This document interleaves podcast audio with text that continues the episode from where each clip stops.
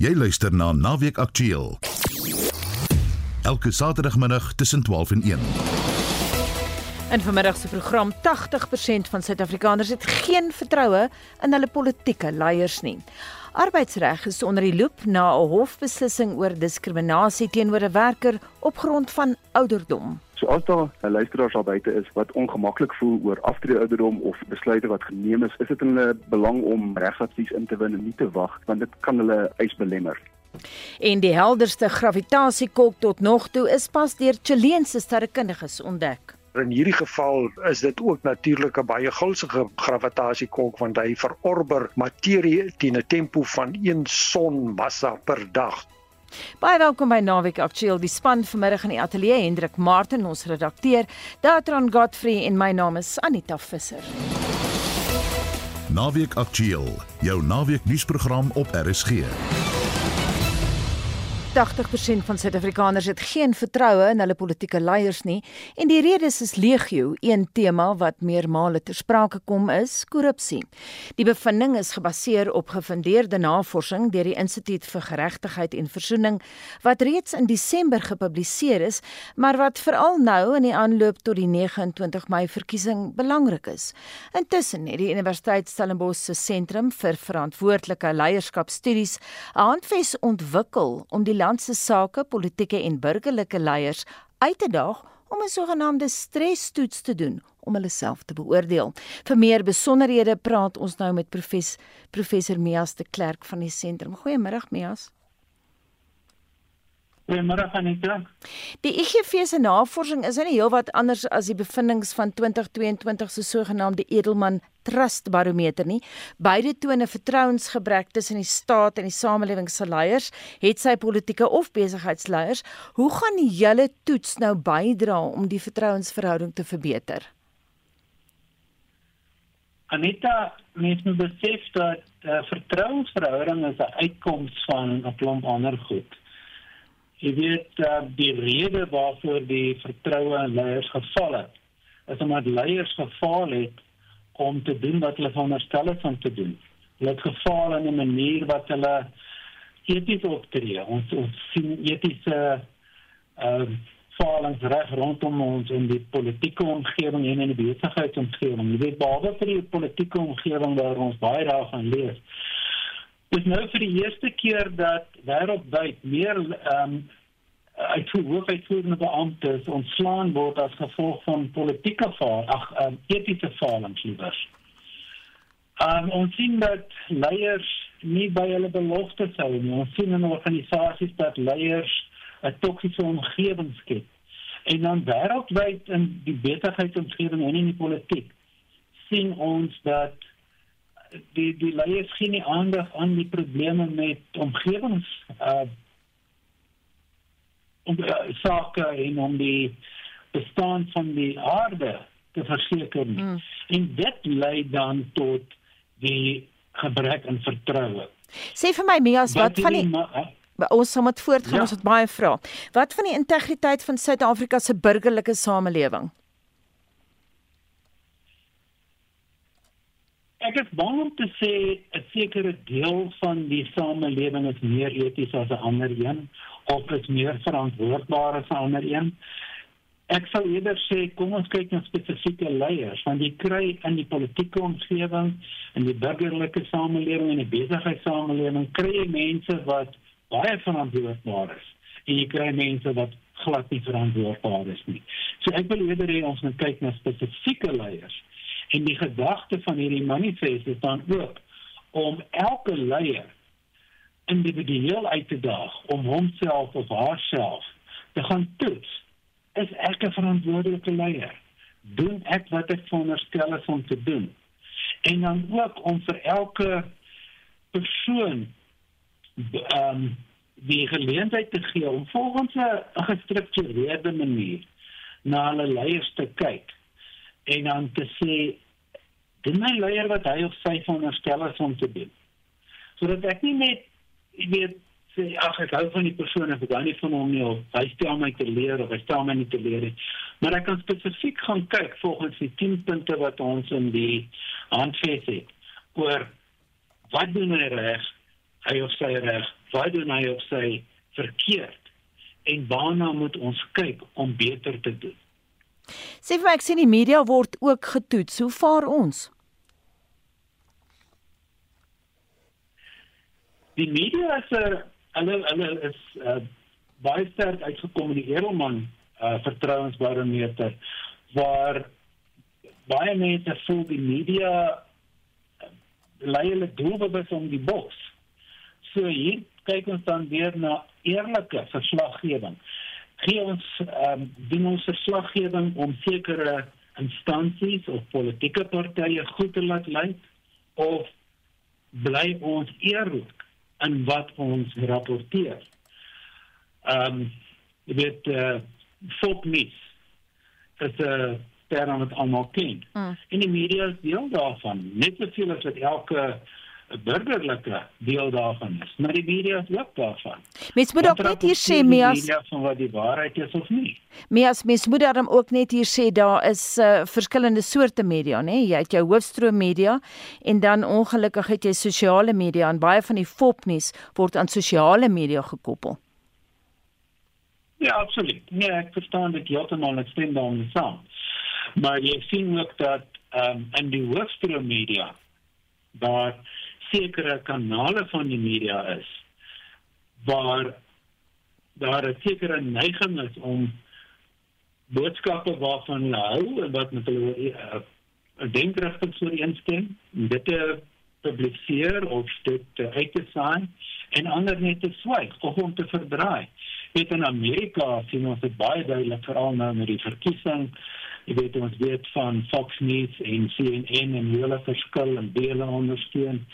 En ek dink nie ons kan enigsins na EBS en dink dit gebeur nie ook in Suid-Afrika nie. Ek weet ons het 'n lang geskiedenis nog met die Tintertydse ehm um, inligtingskandaal oor hoe die media gebruik is om mense om die bos te lei of om mense in sekere rigtinge te indoktrineer. Mhm. Mm Mia het 'n laaste vraag, wat is die nut van die soort toets? Steer politici hulle daaraan? Die toets moet ons in perspektief verstaan, jy weet dit is nie 'n toets wat iemand gaan skryf nie. Dit is 10 beginsels. Eenvoudige beginsels wat ons uitgesit het. En of politici hulle gaan daaraan gaan steur, dit kan ek nie sê nie baie moontlik gaan baie politici nie hulle daaraan uh, steur nie. Maar ons sal graag wil hê dat elke individu eerstens homself en haarself daaraan gaan meet. Beide politici ehm um, in die besigheidssektor, die burgerlike sektor, elke persoon in sy en haar individuele lewe. Jy weet elkeen van ons is 'n leier ek mag dalk net 'n leier in my gesin wees. Ek mag 'n leier wees in my uh, sportklub. Ek mag 'n leier wees in die ehm um, gemeenskapskommisieering of in uh, gemeenskapsveiligheid. Waar ook al. Ek beïnvloed ander mense en ek kan myself gaan toets daartoe. So hier is 10 eenvoudige beginsels waarin ons elkeen ons gaan toets. Eerstens en tweedens Hier is 10 eenvoudige beginsels waaraan ons ons leiers kan toets. Nie mense wat in amptelike posisies van mag en autoriteit is. En ek sou graag wil hê dat wanneer ons in die verkiesing nou ingaan, dat mense wanneer hulle dink aan watter party om te stem, dat hulle gaan kyk na wie is die leiers in daardie party. Jy weet 'n party is maar 'n samestelling van mense. En 'n party is nie goed of sleg nie, dit is die mense wat hom goed of sleg maak. So gaan kyk nie die individue, die leiers van daardie party en gaan meet hulle volgens hierdie 10 beginsels. Baie Baie dankie dit aan professor Mias de Klerk van die Universiteit Stellenbosch se sentrum vir verantwoordelike leierskapstudies. Die beleerde pad ongelukke fonds kan jaarliks tot 3 miljard rand spaar deur valseise spoedig te identifiseer. Dis die mening van Gregory Whittaker, 'n lid van die Aktuariële Genootskap van Suid-Afrika, oftewel AGSA. Naweek Aktueel het 'n ondersoek instel. Die padongelukkefonds is 'n versekeringsskema wat deur die regering bedryf word ingevolge die Padongeluksfondswet van 1996. Die fonds stel jou in staat om na 'n motorongeluk geld terug te kry mits jy jou eis binne 2 jaar vanaf die datum van die ongeluk indien. Die fonds sluit sekere kategorieë van eise uit, maar volgens Gregory Whittaker draai baie Suid-Afrikaners die fondsbestuurders jaarliks 'n rad voor die oë. The first thing that we did is we looked at the claims data for the 2021 financial year. So in that year, the Road Accident Fund paid out 18.4 billion rand in loss of income claims. So that's just purely loss of earnings. It's separate to other heads of damages because there are payments for things like general damages and so on as well. Whittaker wat in 2019 deur AGSA vereer is met die sogenaamde presidentsprys vir sy professionaliteit, sê sy data toon duidelik dat uitbetalings sonder skroom gedoen word. The total amount paid for loss of earnings was 18.4 billion. And then from that, we were able to analyze the data and work out how much was paid out in respect of non-serious injury. And that came to a figure of around about 2.6 billion. And then we just looked at that in relation to the current, the most recent year that we've got, which is the 2023 year, where they paid out 22 billion rand in loss of income claims. And by proportion, we, we worked out that roughly 3 billion rand was paid out in respect of non-serious injury. Once you classify it as a serious injury, then you can also have a claim for general damages. The reason why that's important is that in 2008, there was an amendment to the Road Accident Fund Act it did away with claims for general damages for non-serious injuries. So, that, in other words, there was no longer a claim, for example, if you have a whiplash injury in an accident, the claim for general damages falls away. So there's no longer a claim for general damages, but the person can still try and claim loss of earnings. En dis hier waar die wet se skuiwergat skuil. These are all valid accidents, but these are cases where there's very minor injuries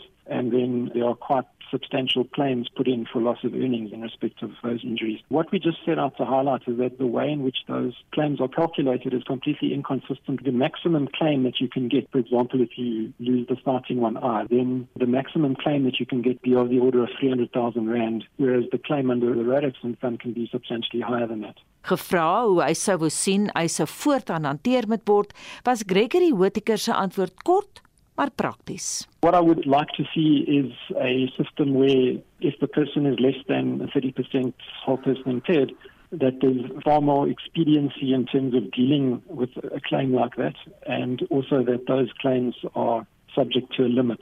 So I would like to see the various compensation systems being aligned, because at the moment they're not.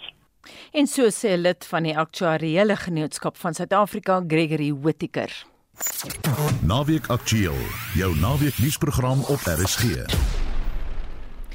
Die inligtingreguleerder het sy eerste afdwingingsbevel uitgereik wat verband hou met 'n klag oor telebemarking. Die kennisgewing ingevolge die Poppy Wet is uitgereik aan die maatskappy FT Rams Consulting wat voortdurend e-posse aan 'n persoon gestuur het al is hulle ingelig dat die persoon nie kommunikasie met hulle wou hê nie. Naweek Aktueel het met die reguleerder se afgevaardigde vir die beskerming van persoonlike inligting daaroor gaan praat. Advokaat Colin Weapond werk vir die inligtingreguleerder en is die liggaam se waghond as dit kom by die beskerming van jou persoonlike inligting.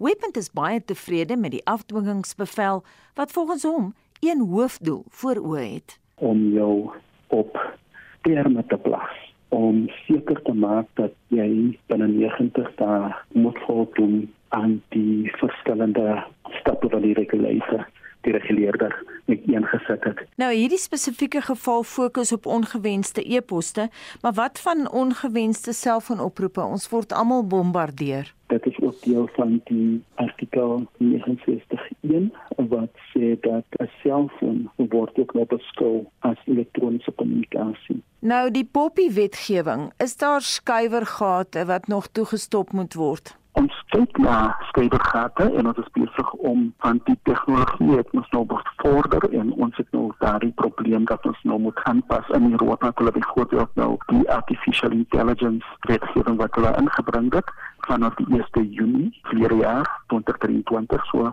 ons is besig om te assesseer of dit skrywergate is en om te kyk of ons wetgewing nie voldoende is nie. Maar met betrekking tot bemarking is ons ja wat tevrede om aan te gaan met die wet en sy huidige vorm, maar ons is ook besig om te kyk of daar nie alternatiewe wat vir ons 'n risiko daar bring. Maar as jy kyk na hierdie spesifieke afdwinging soveel, is dit die eerste oortreding was dat hierdie spesifieke data subject se persoonlike inligting was nie van hom af te kom nie. Maar as jy kyk na artikel 69.1 is die vereiste dat jy eers toestemming moet vra by 'n data subject of 'n potensiële kliënt om te bemark, nie om te bemark nie, maar om te bemark. Nie om weg te spring met die bemarking, maar om te bemark. So dit is nou die onderskeid wat ons getref het. Ons is ook besig om riglyne daar te stel en dit sal voor einde van hierdie maand beskikbaar wees. Intussen sê die voorsitter van die inligtingreguleerder, Pansy Klakula, dat die maatskappy FD Rams Consulting opdrag gekry het om stappe te doen sodat daar nooit weer enige vorm van elektroniese kommunikasie aan die klaar gestuur sal word sonder die persoon se spesifieke toestemming nie. Tlakula sê die maatskappy FT Rams Consulting moet binne 90 dae aan die bevel gehoor gee of andersins sal verdere stappe geneem word en dit kan selfs 'n boete van tot 10 miljoen rand of tronkstraf behels. Die arbeidshof het pas beslis dat 'n maatskappy Bidwest Prestige Cleaning Services teen 'n 62-jarige werker gediskrimineer het deur haar op grond van haar ouderdom af te dank. Die arbeidsregprokureur Johan Botus het die saak se agtergrond aan Naweek Aktueel geskets. Soos ek die uitspraak van die hof lees in die aangeleentheid, het mevrou Sekwane 'n dienskontrak gehad. Daar was 'n aftreeouderdom van 60 gewees in die dienskontrak. Sy was 62 toe sy begin het met diens. Dit was 'n vaste termyn kontrak gewees wat hulle gesluit het. En gedurende die geldigheidsperiode van daai vaste termyn kontrak, is haar diens toe beëindig as gevolg van aftreeouderdom. En dit is toe die aangeleentheid wat die hof moes beslis. So watter boodskap stuur die hof hiermee uit? Die boodskap van die hof is dat 'n werkgewer mag slegs die aftrede ouderdom, die ooreengekomme of die normale aftrede ouderdom gebruik as 'n rede vir die diensbeëindiging waar die werknemer al klaar daai aftrede ouderdom bereik het en daar nie 'n ander rede is oor hoekom die diens wil beëindig nie. Die probleem in die huidige aangeleentheid was gewees dat COVID het plaasgevind en die vastermyn kontrak van die werknemer is beëindig as gevolg van COVID en herstrukturering. Hulle het toe aftrede ouderdom gebruik om te sê maar omdat jy al klaar die aftrederom bereik het, kan die diens beëindig word.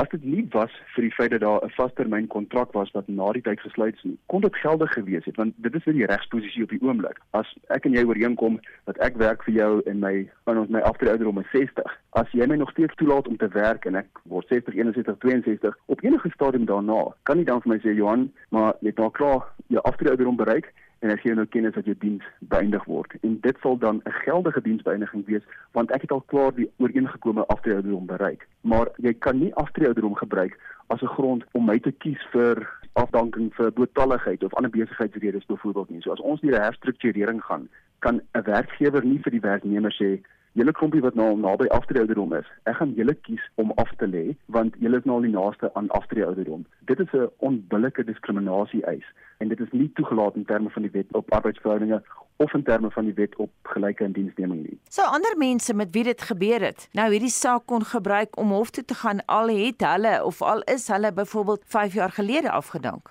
Dis 'n dilemma ongelukkig nê, want in terme van ons die algemene regsbeginsels nê, moet jy jou eis handig maak binne 'n sekere voorgeskrewe tydperke. Jy kan vir die hof vra om jou laatliasering van 'n eis te kondoneer en die hof sal dit oorweeg op sekere gronde. Maar oor die algemeen het jy 30 dae nadat jy afgedank is om 'n eis vir onbillike afdanking handig te maak. Jy het 6 maande om 'n eis vir onbillike diskriminasie te liaseer indien jy so 'n eis wil bring. So jy sal geldige gronde moet hê oor hoekom jy so lank gewag het voordat jy nou jou eis bring. So as daar 'n luisteraar daar buite is wat ongemaklik voel oor aftreeouderdom of enige besluite wat geneem is, is dit in hulle belang om regsadvies in te win en nie te wag want dit kan hulle eis belemmer. Jy het net nou gepraat van normale aftreeouderdom. Wat is die sogenaamde normale aftreeouderdom in Suid-Afrika? Ek weet by die SAIK is dit 63 jaar. En dit is interessant, een van die eerste sake wat aangehoor is onder die huidige arbeidswetgewing wat gegaan het uh, of handel het oor aftreeouderdom was ehm um, regter Zonde wat nou hoofregter Zonde is, toe hy nog 'n uh, regter in die arbeidshof was. En die saak was uh, Schweitzer versus Waco. En daar het die regter gekyk na wat is 'n normale aftreeouderdom, wat is ooreengekomen aftreeouderdom en in wese wat die regter daar gesê het is 'n normale aftreeouderdom soos wat dit toegelaat word in terme van die wet op arbeidsverhoudinge is 'n aftreeouderdom wat normaal is in 'n bedryf, 'n industrie en 'n werksplek.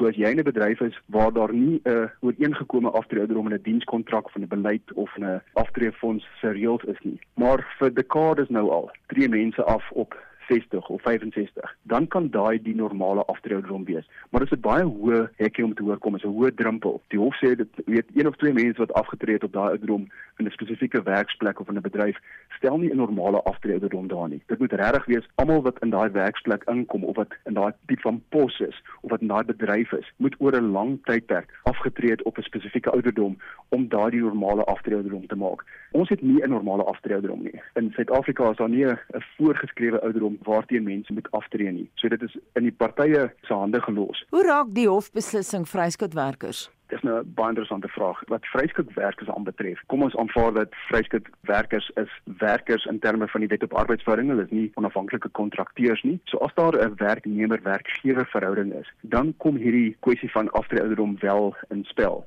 weer eens is die beginsel dat die vryskutwerker en die werkgewer gaan moet ooreenkom oor wat die aftreeouderdom is vir die vryskutwerker of die werkgewer gaan andersins daar moet steun om te sê dat oor 'n lang tydperk het al die vryskutwerkers in hierdie werksplek of in hierdie bedryf op 60 of 65 afgetree om te kan bewys dat daar 'n normale aftreeouderdom is. So dieselfde beginsels gaan van toepassing wees. En ek dink dit is deel waar die dilemma nou kan kom. As jy 'n vryskutwerker is en jy het 'n werknemer-werkgewer verhouding, maar jy het nie vaste verpligtinge wat jy nou elke dag tussen 8 en 5 waar moet wees nie. Dit skyn net 'n lig op die die kwessie van is dit nog geldig vir ons om te steun op ouderdom as 'n rede vir hoekom mense se diens moet beëindig word in die werksplek. En as ons daar kyk na ander jurisdiksies in lande, is daar baie van ons die lande waarmee ons handel dryf wat al weggedoen het met aftreeouderdom as 'n rede vir diensbeëindiging. Die probleem is ook mense word ouer en het nie altyd genoeg geld om af te tree nie. Sal dit uiteindelik die wet verander? Ek glo so, ek dink is net 'n kwessie van tyd voordat ons in 'n soortgelyke posisie is soos in die VSA of in die Verenigde Koninkryk, selfs Australië het al wysigings gedoen aan hulle wetgewing waar die wetgewer nie meer 'n vergunning gaan gee vir werkgewers om te sê dat wanneer 'n persoon se diens beëindig gevolg van aftreeouderdom, is dit geldig om dit so te doen nie. Daar is soveel bydrae wat mense wat al verby 'n aftreeouderdom is, hmm. nog steeds kan en wel lewer in 'n werksplek. Dit is nie ongehoord in menige universiteite in die VSA om professore en dosente daar te sien wat al diep in die 80s en selfs 90s is nie. Ek dink ons ontneem die werksplek van daai ryke wysheid en ondervinding deur nog steeds te steun op 'n aftreeouderdom. In die Suid-Afrikaanse konteks kan ons nie by die punt kyk om te sê dat daar nog steeds werksplek transformasie is wat moet plaasvind nie. So aftreeouderdom kan miskien nog 'n rol speel binne die Suid-Afrikaanse konteks, maar ek glo in die volheid van tyd gaan werkgewers nie meer kan steun op aftreeouderdom as 'n rede vir hoekom mense se diens moet beëindig word nie. En dit gaan sekerlik help vir die 94% van mense wat nie kan aftree as gevolg van die feit dat daar nie voldoende finansiële voorsiening vir hulle gemaak is nie. Ek glo as 'n hele paar lande in in regstelsels waar ons wel kan kers opsteek oor wat is aanvaarde in billike praktyk in die 21ste eeu. In die Verenigde Koninkryk het hulle so 'n paar jaar gelede ook weggedoen met hulle 'n outomatiese of 'n default aftree ouderdom gehad. Uh mhm. -huh. En die posisie daar is dan dat weet indien jy 'n werknemer wil afdank as gevolg van aftreeouderdom, moet daar geldige redes wees. Jy moet vir die werknemer 'n geleentheid gee om vertoë te kan rig oor hoekom hulle nog nie moet afgedank word nie. Ek glo die normale beginsels in terme van ons regstelsel maak voldoende voorsiening dat jy mense kan afdank waar hulle nie meer die werk kan doen nie. So as iemand te oud is en hulle kan nie meer die werk doen wat hulle veronderstel is om te doen nie, het jy ander geldige redes om hulle diens te beëindig. Maar hierdie beginsel van weet as jy 64 en 355 dae is en jy nog reg vir die werk en volgende dag ewe skielik as jy verby jou uh, jou selbaai tyd nie. Ek dink dit is 'n argaïese konsep. En so sê die arbeidsregprokureur Johan Botus. 12:28 jy luister na Naweek Aktueel en dis nou tyd vir sportnuus. Hier is Jody Hendriks. Goeiemiddag, ek begin die verslag met sewe rugby en die Blitsbokke se treurmare duur voort. Dit nadat Sandile Ngobo se span vanoggend in hul eerste wedstryd by die Los Angeles been van die Wêreld Sewees reeks 17-0 teen Ierland verloor het. Die span het geen antwoorde op hul opponente se spel gehad nie en verdediging het ook die Blitsbokke in die steek gelaat. Hulle sal egter nie lankie om hul wonde te lek nie want hulle kom vanaand in hul tweede wedstryd van die toernooi teen Argentinië te staan. Argentinië staan die voorlopers op die wêreldsewes reeks voordat hulle die groepfase teen Spanje môreoggend eindig. Nog rapnies en in die Verenigde Rugby Kampioenskap is daar twee plaaslike derbies wat vandag plaasvind om 3 uur in Johannesburg. Is dit die Lions en Sharks wat mekaar die stryd gaan aansê? Nou beide Jordan Hendricks en Emmanuel Tchuka wat vroeër die week aangekondig het dat hulle die Lions gaan verlaat en volgende seisoen vir die Sharks aan uitdraf is in die Lions se wedstryd 23 vir die kragmeting ingesluit Hendricks op loskakel en Tchuka wat van die bank af sal speel kans kry. Dan vir die span van Durban, hulle gaan deur Bongio Mbambi aangevoer word met Grant Williams wat die nommer 9 try gaan dra. Onthou ook dat Jones Kuman gereeld gedurende die kragmeting hier op RSG verslag gaan doen. Dan om 5:00 op Loftus Versveld is kaartjies vir die tradisionele Noordsy derby tussen die Bulls en Stormers uitverkoop. Die besoekers het sewe Springbokke in hul begin 15 ingesluit en uh, spelers soos Evan Roos, Dion Fourie, Manuel Bok en Damian Willemse wat almal gaan speel kans kry. Vir die Bulls gaan Ambrose Papier en Johan Goosen as die skakelpaar diens doen met Willie Leroux wat verrassend vir die kragmeting op die reservebank gekies is. Johan Rademan gaan die wedstryd vir ons hier op RSG dek. Sokkernuus en in Engeland is alle oë op môre se Manchester derby tussen Manchester City en Manchester United. Nou City wat tuisveld voordeel in die wedstryd gaan geniet word ook as die gunsteling beskou. Hulle staan tweede op die Engelse Premier League punteleer 1 punt agter Liverpool wat in die eerste plek is. United is 6de op die punteleer en die 3 punte brood nodig. Afskoptyd in die kragmeting is om 06:30 môre aand. Nog sokkernuus en FIFA het 'n voorstel vir 'n blou kaart wat spanne die mag sal gee om sekere besluite deur die skeieregter te appeleer van die hand gewys. En dan in motorsport die 2024 Formule 1 seisoen begin die naweek in Bahrein met die hoofwedren wat môre sal plaasvind. Dan in cricketnuus, 'n goeie nuus uiteindelik vir 'n nasionale cricketspan. Die Suid-Afrikaanse oor 40 span het gister die Wêreldbeker toernooi wat in Kaapstad plaasvind gewen toe hulle vir Nieu-Seeland in die eindstryd geklop het. Die Kiwis het eerste gekolf en kon slegs 155 en 0 beurt aanteken. Suid-Afrika het toe die wenlopies met slegs 4 paaltjies plat gekry om die sege te behaal en ook dan die toernooi te wen. Nog cricket nie sien uh, daar's bevestig dat Keshav Maharaj die Protea draaibal bowler die Dolphins in die komende plaaslike T20 seisoen gaan aanvoer Jody Hendricks vir RSG Sport. En nou golfnuus, die Sonskyn reeks se SDC kampioenskap op St Francis gaan voort. Michael Flismus hou sake dop. Dankie Anita, die wind waai sterk hier vandag en met die voorste spelers wat sopas hulle derde rondes afgeslaan het, maar die wind is klaar blyklik glad nie 'n probleem vir Engeland se Daniel Brown nie. Brown was die voorloper met 3 houe voor hy afgeslaan het en hy het sommer 'n voeltjie op die eerste gemaak wat reguit in hierdie sterk wind inspeel. Hy's nou 12 onder vir die toernooi en 4 houe voor sy naaste teenstanders. Hulle is Suid-Afrika se Robin Williams en Shaun Norris wat albei syfer gemaak het op die eerste en dan op 7 onder syfer staan die twee Amerikaners, James Nicholas en Jordan Gumberg. Die wind is 'n groot uitdaging op hierdie baan net om vir julle 'n idee te gee. Suid-Afrika se Pieter Moelman was die gesamentlike voorloper na dag 1, toe verander die rigting van die wind op dag 2 en met uit met 'n ronde van 81 die afsnypunt nie behaal nie. Spanje se Adrian Naus wys ook die wind plaag glad nie vir hom nie. Hy's nou 6 onder vir sy ronde vandag na 16 bytjies. Engeland se Daniel Brown dan, die man om te vang. Hy loop voor met 4 houe. Dit is Michael Flismus vir RSG Sport.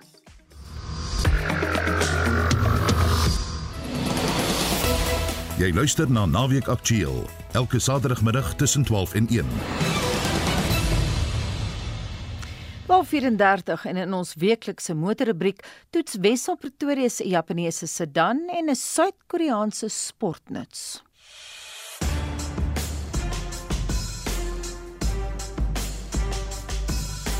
Suzuki het verlede maand baie naby sy rekordverkope in Januarie gedraai. 5221 in Februarie. Net 14 eenhede minder as in Januarie. En Suzuki het verlede maand nog nader gekruip aan die Volkswagen groep, die tweede beste verkoper plaaslik. Net 112 eenhede agter. Maar met Audi se verkope weggelaat, het Suzuki inderdaad vir Volkswagen geklop. Toyota was met 11269 loshande die topverkoper. Net minder as 44800 nuwe voertuie is verlede maand van die hand gesit, 0,9% swakker as Februarie verlede jaar.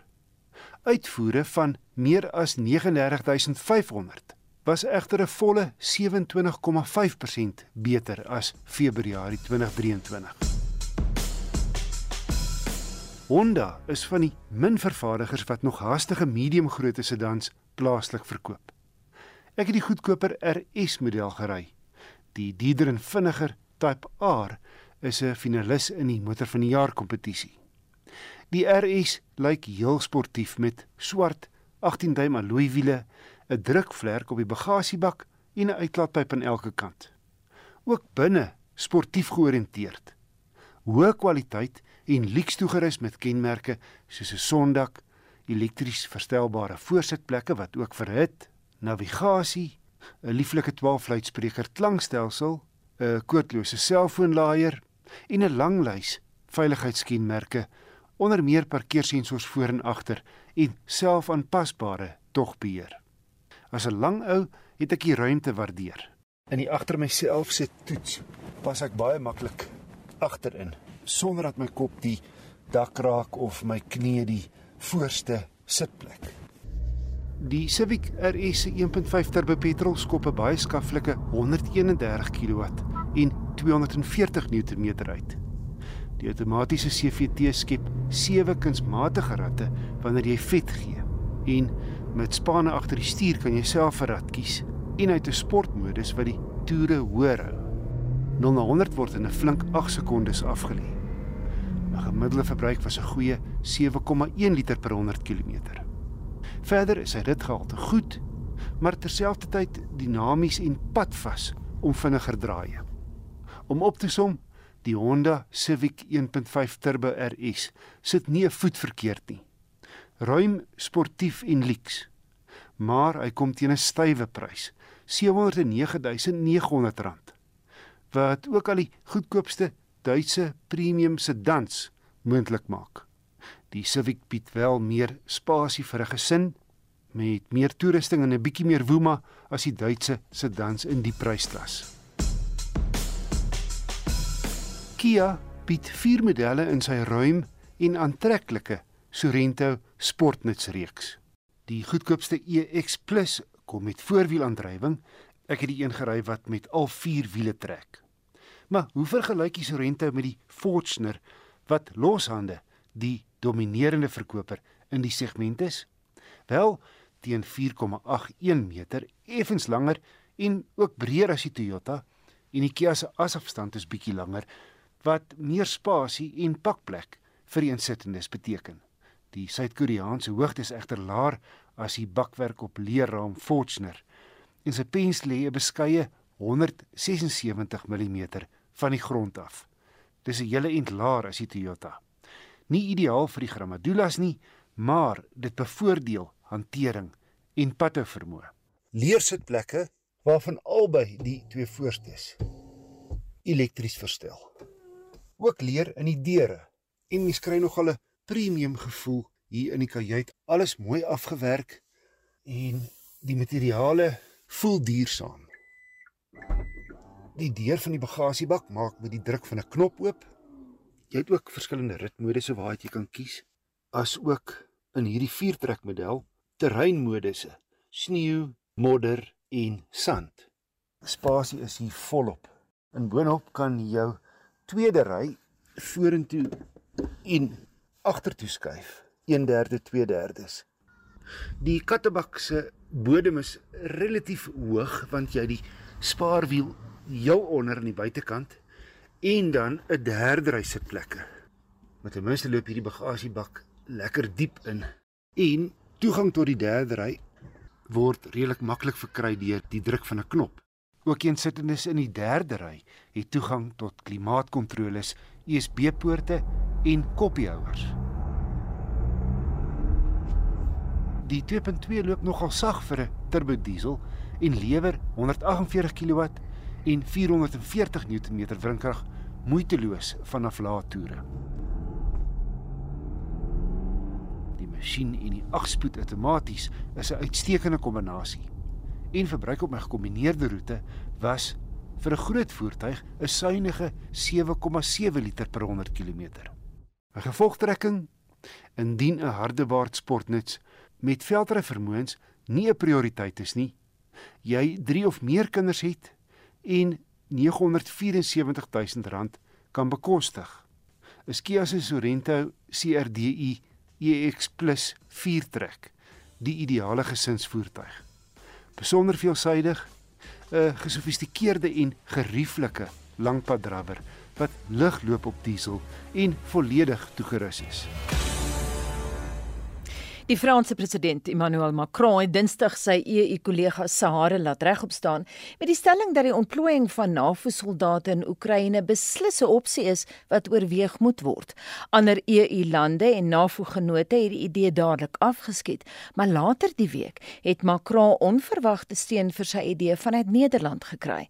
Intussen het president Vladimir Putin in sy jaarlikse staatsrede in Moskou gesê dat indien NAVO-soldate Oekraïne toes sou stuur sal dit lei tot 'n kernoorlog.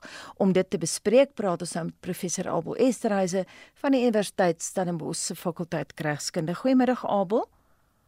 Goeiemôre Anita. Die gerespekteerde Le Monde koerant het daarop gewys dat Macron se uitlating skerp kontrasteer met sy waarskuwing van net 20 maande gelede dat Rusland onder geen omstandighede verneder moet word nie. Hoekom nou die uitlating? Ja, Anita, ek dink die strategiese situasie het natuurlik dramaties verander sedert 20 ma uh, maande gelede. Aan die een kant dink ek is die weste verby die punt waar hulle enige dreigement van Putin uh, regtig uh, ernstig opneem. Ehm um, jy weet sy bedekte dreigement van 'n kernoorlog wat hy hierdie week weer gemaak het, dink nie uh dink ek nie neem hulle meer so ernstig op nie. Ehm um, Rusland sit waarskynlik met 'n oorlog wat hy nie verwag het nie. Uh Rusland sukkel om strategiese effekte bewerkstellig. Daar's 'n mate van desperaatheid dink ek. Uh die druk is waarskynlik besig om op te laai in, in Rusland. Jy weet, as 'n mens na Navalny se begrafnis gekyk het ah. gister, hoe die mense in groot getalle opgedaag het. Uh en die Russiese ekonomie wat uh, nou deur die oorlog gedryf word, maar die die Russe op straat kry swaar. Ja, so die die weste dink ek het die laaste 2 jaar geleer uit Rusland se omvattende informasieoorlog of dan nou eerder disinformasieoorlog. En ek sien Macron se uitlating maar as 'n terugvegpoging in die kommunikasieoorlog uh eerder byvoorbeeld as 'n uh, 'n eskalering van die, van die oorlog per mm. se. Mm. Abel, uh, ons het heelwat vrae waarby ek moet uitkom as jy bietjie korter kan antwoord. Macron se voorstel is toe nou verder gevoer deur sy minister van buitelandse sake, Stéphane Séjourné, wat gesê het dat NAVO-soldate sou kon help deur byvoorbeeld mynvee en kuberoperasies asook wapenproduksie. Hoe haalbaar is dit? Aneta, ek dink ons moet eerlik wees, uh, dit sal naïef wees om te dink NAVO is nie alreeds betrokke omvattend uh, omvattend betrokke in in die Oekraïne nie. Uh wat kiber-ekonomiese oorlog vir uh, elektroniese oorlogvoering aanbetref wat inligting aanbetref log, logistiek wapenvervaardiging. Maar dit bring my terug by die punt wat ek vroeër die week gemaak het. Jy weet, ek dink Macron se uitspraak het meer te doen met sogenaamde signaling. Ehm um, daar's verskeie gehore hier ter sprake. Putin die Russe Zelensky in die Oekraïne, NAVO se eie bevolkings wat ek dink hulle 'n bepaalde boodskap voorstuur en dan natuurlik uh, die FSA wat 'n uh, uh, duidelike boodskap kry dat Europa nie gaan opgee op hierdie oorlog nie. Hoe interpreteer jy Nederland se klaarblyklike steun nou aan Macron? Ja, dis natuurlik 'n ooglopende versterking van Macron se se boodskap dat dit verleen legitimiteit. Uh in die geheel gesien is die onderliggende oogmerk dink ek vanuit NAVO om 'n groter strategiese probleem vir Rusland uh te skep en Rusland jy weet het uiteraard gereageer deur op die tragiese gevolge van so 'n stap uh, te wys en en wat dit vir Europa mag inhou. Maar jy weet, ek dink Rusland voel toenemend kwesbaar aan die een kant en daar's 'n bietjie ironie hier ook want Rusland is reeds besig om magte op groot skaal van buite Rusland te werk te werf. Afrika, Kubane, uit die Midde-Ooste, Noord-Korea en en natuurlik uit die stans uit, jy weet, Kazakhstan, Uzbekistan, uh, Turkmenistan, Tajikistan, uh, hulle hulle werf groot magte uit daai omgewings uit. Nou ek sien Downingstraat wil glad nie byt aan Macron se voorstel nie. Rishi Sunak se woordvoerder het gesê, "Beyond the small number of personnel in countries supporting the armed forces, we don't have any plans to make large-scale deployments." En so van die Britte gepraat, ek sien 'n YouGov meningspeiling Abel het laas maand bevind dat 'n derde van 18 tot 40 jariges botweg weier om deel te neem aan enige oorlog, selfs al sou die VK fisies bedreig word. Nou Brittanje is nie meer deel van die EU nie, maar wel 'n NAVO-lid. Dink jy die Britte se sentiment word gedeel deur ander Europeërs? Ja, dis dis eintlik so half ironies want waar Brittanje was waarskynlik die eerste land waar wie se spesiale magte in die Oekraïne betrokke was met opleiding en op ander maniere. Maar natuurlik, jy weet, grootskaalse betrokkenheid aan ontplooiing is natuurlik uh dit dit sal deur meer omvattende prosesse gedryf moet word. Dit sal deur parlementêre prosesse eh, moet gaan. Ja oor die oor die die moontlikheid van groter betrokkenheid deur deur Europa jy weet ehm um, dit hang af van van die vlak van mobilisasie wat hulle ter sprake bring as hulle omvattend wil betrokke raak in Europa En dan wat maak jy van Putin se uitlating? Hy dreig nou met 'n kernoorlog indien NAVO sou ingaan. Is dit maar net praatjies Abel? Ja, Anita, jy weet, ehm um, as jy 'n dreigement te veel herhaal, verloor hy sy betekenis. Uh, in die verlede het ons altyd ge gesê daar moet drie vereistes wees vir kernafskrikking. Daar moet 'n vermoë wees, daar moet kommunikasie wees, maar maar derdens moet daar moet daar aan die aan die ontvangkant, aan die entiteit wat aan die ontvangkant staan, moet jou dreigement as legitiem sien, as ernstig sien, jy weet. En en daar's my geen by my geen twyfel dat die weste die russe moet arends oop dophou wat hulle kernvermoë aanbetref nie, maar ek dink nie en ek ek is baie versigtig as ek dit sê, maar ek dink nie die weste neem meer uh, Putin se kerndreigement so ernstig op soos 2 jaar gelede byvoorbeeld nie. Baie dankie en so sê professor Abel Esterhuise van die Universiteit Stellenbosch se fakulteit Regskunde. Chilean se sterrekundiges het pas die helderste gravitasie-kolk tot nog toe ontdek. Die kolk is 17 miljard keer groter as ons son. Die Chileense navorsing is in die joernaal Nature Astronomy gepubliseer.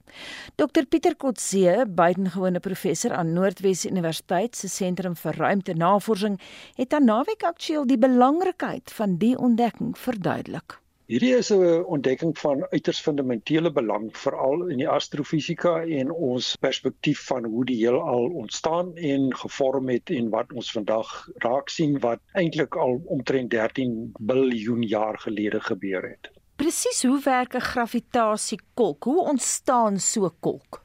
'n Gravitasiekolk is eintlik die eindproduk van 'n ster wat die einde van sy lewe bereik het. Wanneer 'n ster normaalweg in die hemelruim skyn, verbrand dit brandstof. Dit gebruik waterstof wat omgesit word in helium, maar in die proses moet dit ook natuurlik gravitasie teenstaan, want gravitasie is die uiteindelike doodsklok vir enige son of vir 'n ster wat éventueel tot sy einde kom. So elke ster het 'n eindige leeftyd en wanneer hierdie brandstof natuurlik uitgewis word of opgebrand brand of gebruik word, stort die ster in duie. En dan wat oorbly is slegs 'n spikkel van energie en massa wat dan gekonsentreer word in die vorm van 'n gravitasiekolk waaruit geen lig of enige ander materie kan uit ontsnap nie. So as 'n ster baie groot is, baie massief is, eindig dit uit op 'n 'n gravitasiekolk wat ons dan waarneem in die sentrum van die meeste sterrestelsels in die heelal. Ons eie sterrestelsel, die Melkweg, besit ook 'n gravitasiekolk genaamd Sagittarius A en is eers eintlik onlangs werklik ontdek en is sy grootte bepaal met behulp van die straling wat rondom hierdie gravitasiekolk sigbaar is. So dit is ook gebeur in die geval van hierdie spesifieke gravitasiekolk het eh,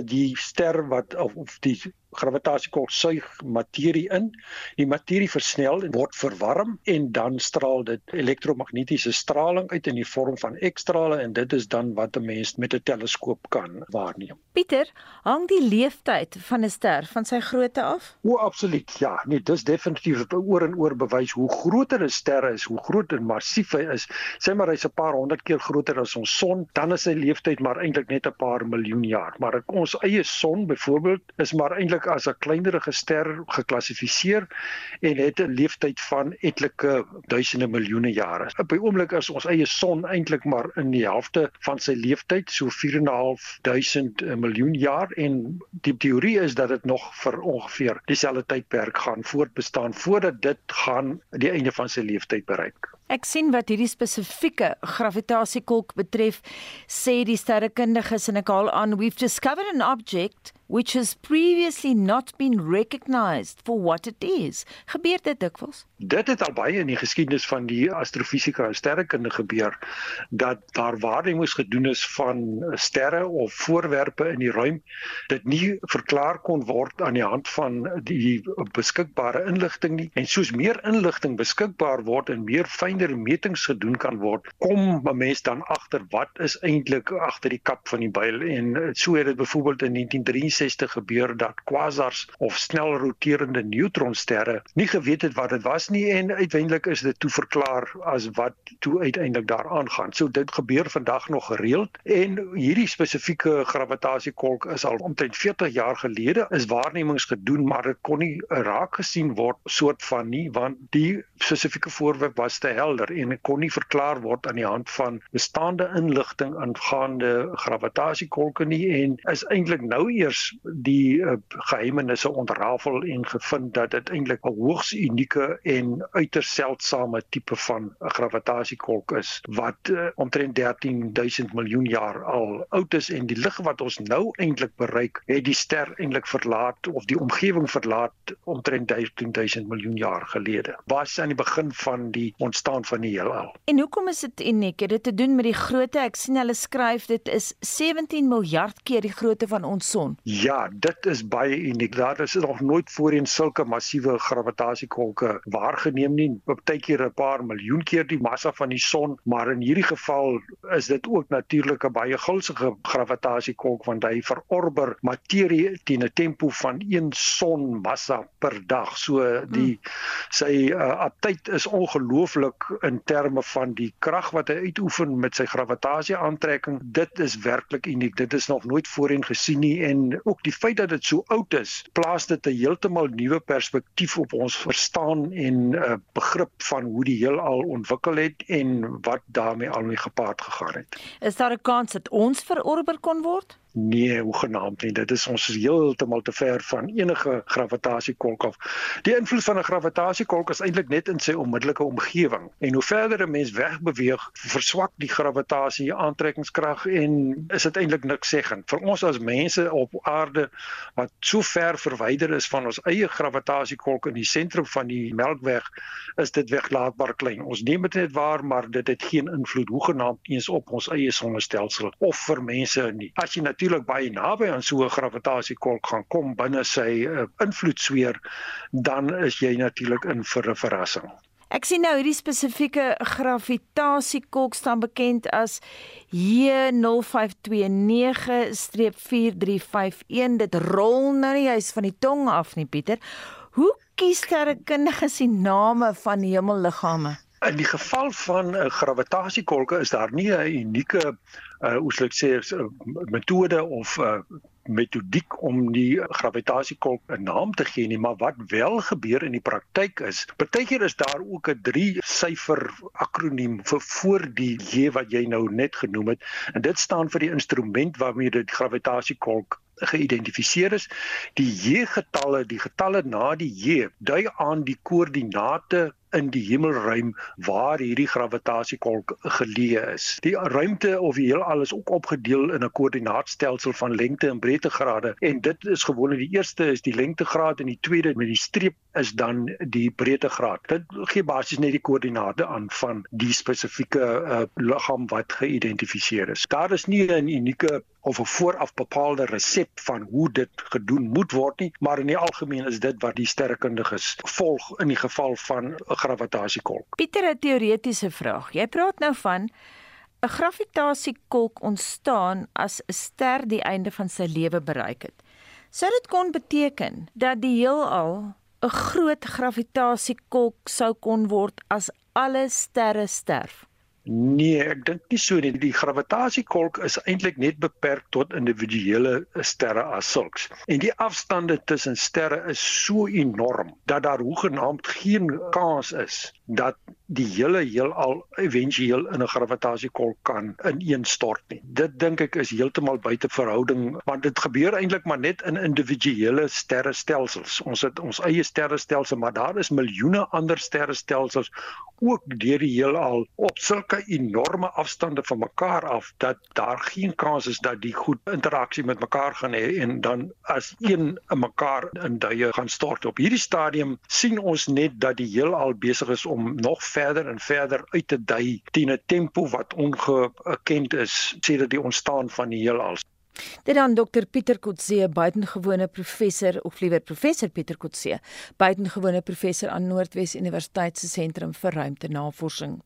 Onthou om tussen 3 en 4 in te skakel vir ons spesiale verkiesingsprogram. Vandag fokus ons op die Vryheidsfront Plus wat sy manifest vroeër bekend gestel het. My gas in die ateljee om dit te ontleed is professor Pieter Duvenage van Akademia.